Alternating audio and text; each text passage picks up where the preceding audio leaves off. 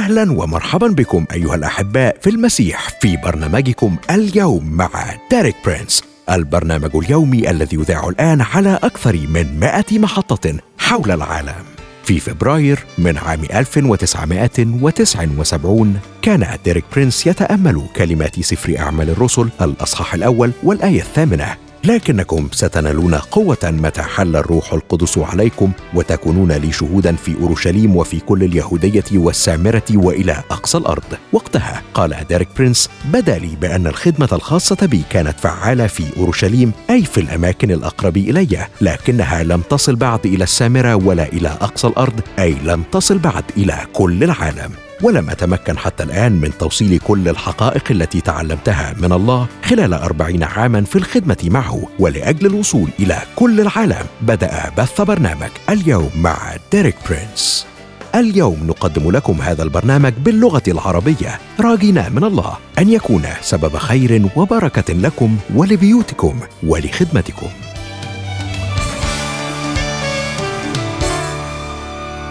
أهلا بيك صديقي المستمع في حلقة جديدة من برنامج اليوم مع ديريك برينس. معك أشرف ومريم. أهلا يا مريم. أهلا بيك يا أشرف وأهلا بصديقنا المستمع.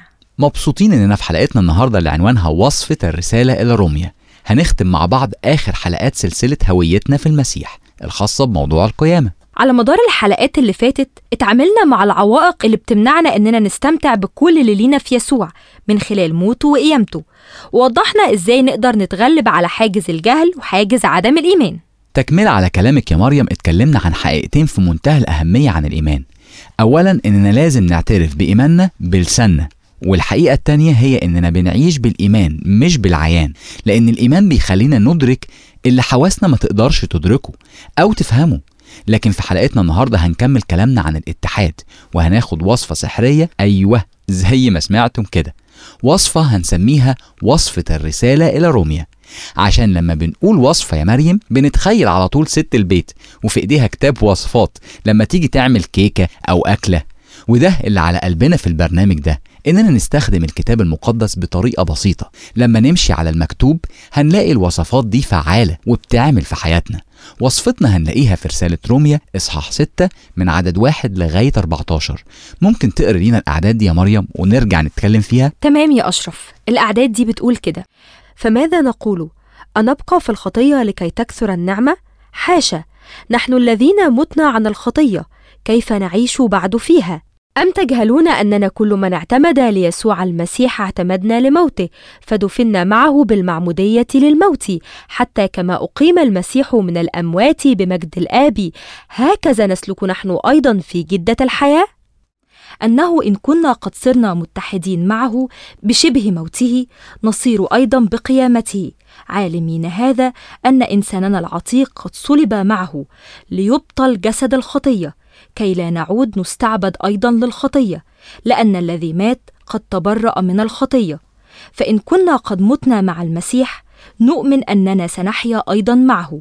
عالمين أن المسيح بعدما أقيم من الأموات لا يموت أيضا لا يسود عليه الموت بعد لأن الموت الذي ماته قد ماته للخطية مرة واحدة والحياة التي يحياها فيحياها لله. كذلك أنتم أيضا.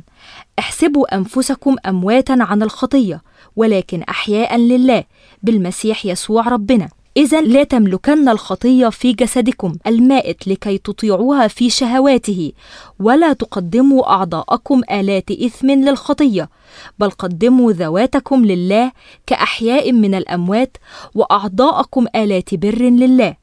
فإن الخطية لن تسودكم لأنكم لستم تحت الناموس بل تحت النعمة. آمين. أمين يا مريم. هنشوف هنا طريقة بسيطة إزاي نمشي على الوصفة دي وتنجح في حياتي وحياتك وحياة كل واحد بيسمعنا. بقف مذهول يا مريم قدام قوة الكلمات دي. الخطية لن تسودكم. يعني الخطية مش هتسيطر عليك أبدا بعد كده ولا هتتحكم فيك. وإن في طريق للخلاص من الخطية وكل نتائجها السيئة وده من خلال هويتنا الجديدة في المسيح. وخلصنا واتحدنا مع يسوع في موته ودفنه وقيامته وصعوده. طب تعالى بقى يا أشرف قبل ما نقول خطوات وصفتنا من كتاب الطبخ الإلهي تعالى نخرج فاصل نسمع ترنيمة ونرجع نكمل مع أصدقائنا وصفتنا. يلا بينا؟ يلا بينا.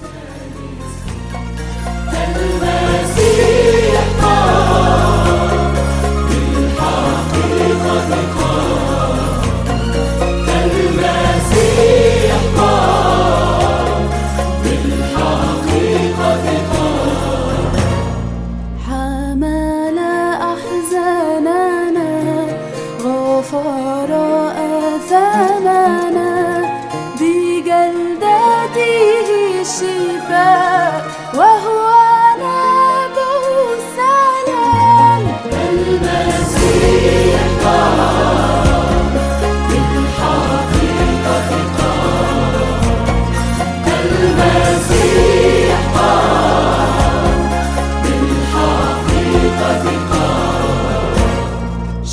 شوكة الموت كسر لما قام وانتصر.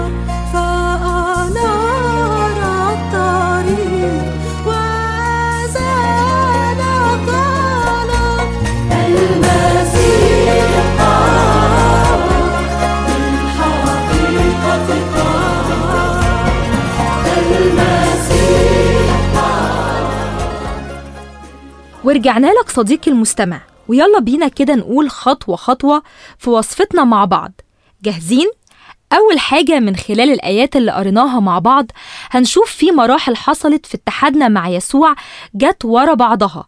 هنلاقي ده في عدد اتنين. متنا عن الخطية. طب هو إمتى متنا عن الخطية؟ لما يسوع مات. كان ده متنا فهو مات وإحنا اتحدنا معاه في موته. وبيقول في عدد ستة أن إنساننا العتيق قد صلب معه. إمتى حصل ده؟ لما يسوع اتصلب.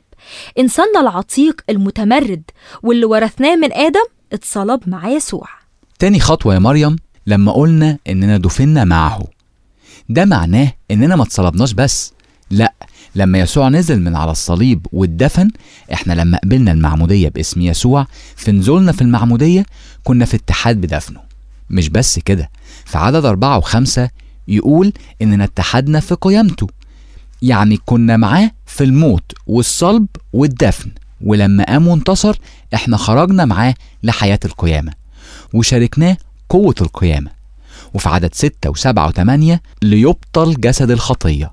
بنفهم من الآية دي إن طبيعة الشريرة اللي ورثناها وبقت تخلينا نكرر الخطية كذا مرة بقت ميتة وعاجزة وده ليه؟ لأنها اتصلبت مع المسيح.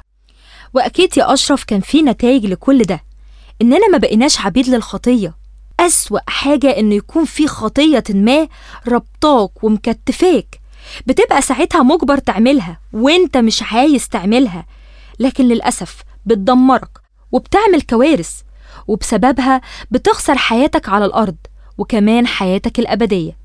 لكن نشكر يسوع من خلال اتحادنا فيه اتكسر سلطان الخطية من عليك وعليا وعلى كل واحد فينا وما بقيناش عبيد للخطية. أنا كمان شايف نتيجة تانية في عدد سبعة لما قال إننا بقينا أحرار. هو يقصد بالحرف إن أنت حر وبريء. دفع يسوع العقوبة النهائية عن الخطية اللي أنت عملتها واللي لسه هتعملها. يعني من اللحظة دي أنت مش مذنب نهائيا ومفيش عقوبة لازم تدفعها ولا دينونة. أنت وأنا اتحررنا من قوة الخطية وكمان من ذنبها. ودلوقتي بقى عندنا ضمير صالح وتقدر تقف قدام عرش الله وبدون خوف لأن الآن بر المسيح أصبح برنا ويسوع على الصليب بقى خطية من أجلنا من أجل خطايانا كلنا. ونتيجة أخيرة يا أشرف نشوفها في عدد 8 سنحيا أيضا معه. خبر صار يفرح إننا هنشاركه حياة القيامة للأبد لأن بموت يسوع هو مات مرة واحدة أخيرة ولما قام سيحيا إلى الأبد. وإنت ليك الامتياز إنك تعيش الحياة الأبدية في المسيح وتشاركه فيه وإنت على الأرض. في نهاية الوصفة الجبارة دي يا مريم تعالي نسمع ديريك هيقول لنا نطبقها إزاي. يلا بينا. الجزء الثالث من وصفة رمية نجدها في العدد الحادي عشر حتى العدد الثالث عشر. هذه هي الطريقة العملية للتطبيق. هذا هو الجزء الذي أريدك أن تركز فيه انتباهك معي لبقية هذا الحديث. هناك خمس خطوات في هذه الكيفية أو التطبيق كما حددها بولس. أولا في العدد الحادي عشر يقول احسبوا أنفسكم أمواتا. صدق هذا احسب نفسك ميتا. يقول الكتاب المقدس إنك ميت. صدق أنك ميت. تحدث مع نفسك كميت. هذا ما فعله بولس فقال مع المسيح صلبت فأحيا لا أنا بل المسيح يحيا في لذا كان يحسب نفسه ميتا. لقد رأى صلب المسيح وموته على أنه صلبه هو شخصيا وموته. لم يكن يفكر بهذه الطريقة فحسب ولكن كما أشرت سابقا كان يتكلم بهذا. لقد صدق هذا عن نفسه حسب نفسه ميتا ولكن حي أيضا. عليك أن تفعل الأمر نفسه. احسب صدق قر بأنك ميت وأيضا حي. الخطوتان الثانية والثالثة سلبية. لا تملكن الخطية في جسدكم المائت. ثم لا تقدموا أعضاءكم آلات إثم للخطية. هنا نرى شيئا سلبيا ولكنه في غاية الأهمية. يجب ألا تستسلم للخطية. قبل ذلك لم يكن بوسعك أن تختار ما إذا كنت. ستستسلم للخطية أم لا؟ والآن صار لديك الاختيار. فيك قوة أعظم من الخطية. لقد تحررت لقد تم تبريرك. ولكن ما زال عليك أن تدرب إرادتك. فحين تأتي الخطية حين تأتي التجربة عليك أن تقول لا بقوة وحزم. فتقول لا لن أفعل لن أستسلم لجسدي لن أقدم أعضائي للخطية. لقد تحررت أنا أنتمي ليسوع. أنا أعيش حياة يسوع والخطية ليس لديها أي قوة علي. أنا لا أستسلم لك أيها الشيطان. أنا لا أستسلم لك. هل تعرف شيئا واحدا تعلمته عن الشيطان من خلال تجربتي الشخصية؟ هو يعلم جيدا متى تقصد ما تقوله وحين تقولها حقا وتقصد ما تقوله سوف يتركك. ولكن إذا كان يعتقد أن لديه أي فرصة لإقناعك بتغيير رأيك حتى إذا كان تغييرا مؤقتا فقط فسيواصل إزعاجك. هذه هي الطريقة التي نعيد بها استعادة إرادتنا التي أضعفتها الخطية واستعبدتها. من خلال قول لا لا للخطية لا للشيطان. يا إبليس لا يمكنك الحصول على جسدي لا يمكنك الحصول على أعضائي. ثم الخطوتان التاليتان. الخطوتان الأخيرتان في هذه الوصفة. الخطوتان الإيجابيتان. الخطوتان الرابعة والخامسة. قدم نفسك لله. لا يمكنك أن تبقى عضوا مستقلا وتكون حرا من الخطية. هذا ليس اختيارا هذا هو الحق. عليك أن تختار ما إذا كنت ستخدم إبليس أو ستخدم الله. فبعدما انقذت من خدمة الشيطان عليك أن تقدم نفسك ذبيحة لله. في الرسالة إلى روميا الأصحاح الثاني عشر يقول بولس فأطلب إليكم أيها الإخوة برأفة الله أن تقدموا أجسادكم ذبيحة حية مقدسة مرضية عند الله. امنح نفسك بالكامل. كل ما أنت عليه وكل ما لديك قدمه إلى الله. لا تمنع أي شيء. ثم يقول أيضا وأعضاءكم آلات بر لله. سلم كل جزء من جسدك لله ليستخدمه كما يريد لمجده.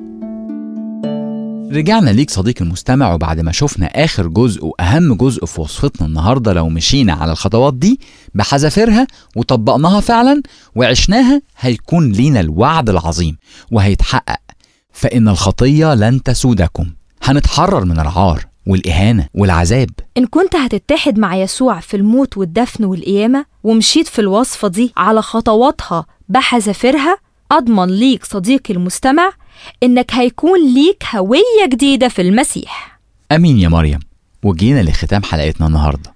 كنا مستمتعين جدا وإحنا بنكتشف الحقائق الكتابية الثمينة اللي اكتشفناها في سلسلة حلقات هويتنا في المسيح. مع احتفالنا بعيد القيامة المجيد نتقابل على خير في سلسلة جديدة من برنامج اليوم مع ديريك برنس كان معك أشرف ومريم. مع, مع السلامة. السلامة.